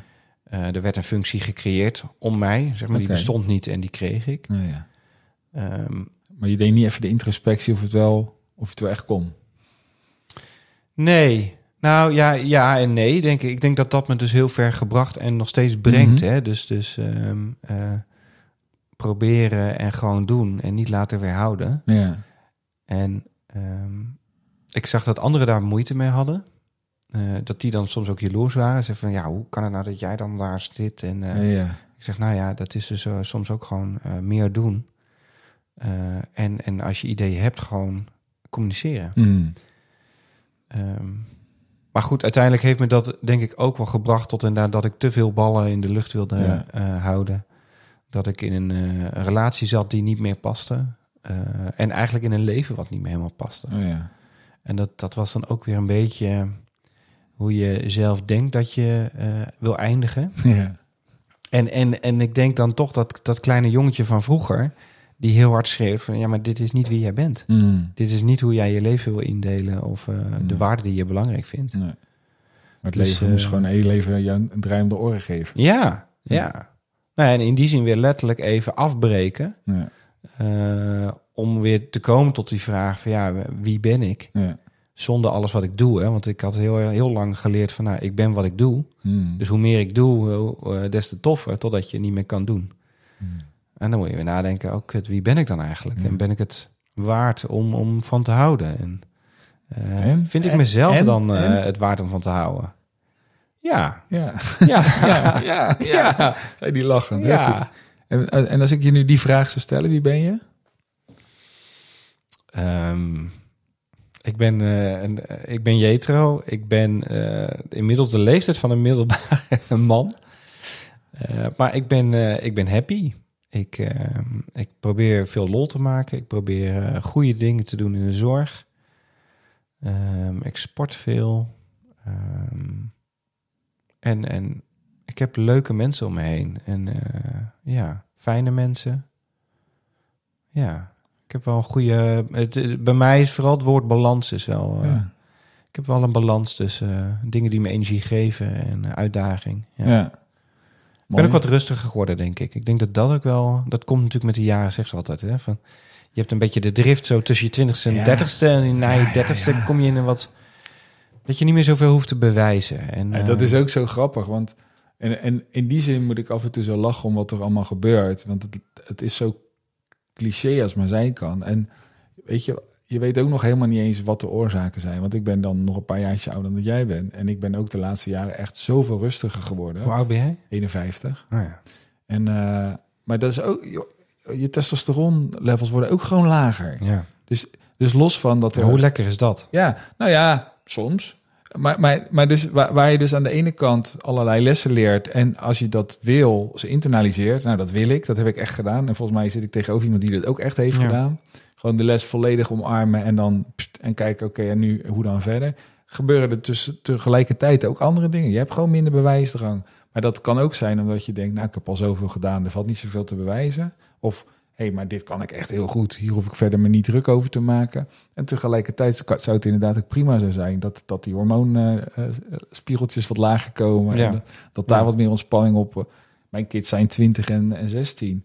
Het zijn goede gasten. En eh, daar kan ik naar kijken en denken, nou, blijkbaar toch iets goed gedaan. Ja. En dan eh, dat geeft ook rust. En eh, ik, ik vind zo.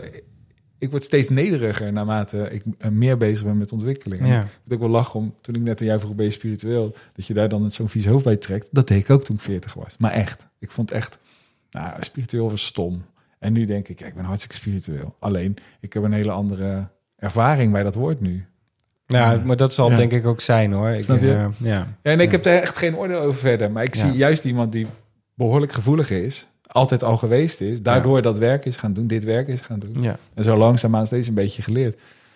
En weet je, ik ontdek dat iedereen dit is. Ja. Dat is, dat is mijn grootste les van de laatste jaren. Het is helemaal niet waar dat dat de uitzonderingen zijn. We zitten alleen in een soort hypnose. Wat een raar woord is, maar wat ik wel echt Mhm. geloof. En die hypnose bestaat eruit dat je denkt dat geld belangrijk is, of aanzien, of, of uh, en, de- spullen. en daar ben ik zelf zo dankbaar voor. inderdaad, Dat ik eigenlijk sinds die burn-out en, en de jaren daarna ook gerealiseerd heb van... joh, weet je, het draait dus niet inderdaad om die prestige en om, om eh, nog vaak op dat podium te staan... maar veel meer om inderdaad van, hé, maar ben je oké met jezelf? Ja. En ik zie nu, nou, heb ik die balans en, en vind ik het vooral belangrijk om dus mooie dingen mee te maken... en Ja. eh, vooral beleven. Leuke dingen met leuke mensen. Ja, precies. Ja. Maar ik zie zoveel mensen om me heen die net voor dat punt zitten. Die worstelen met, met een huwelijk waar ze niet meer tevreden in zijn. Mhm. Eh, met werk. Met, en ja, ik, ik vind dat wel... Nou ja, goed, ergens gun ik iedereen dus ook zijn, zijn groeicrisis. Ja. Ik denk, ja, je moet er doorheen. Ja, Het is blijkbaar toch ook weer dat je te ver af bent gewe- geweken van je eigen persoonlijkheid. Ja. Te veel af laten leiden door de externe verwachtingen. En ehm, Maar je ziet hoe lastig die vraag is. Want ik vroeg je net, hè, wie, wie, wie ben je? ja, Wie ben je?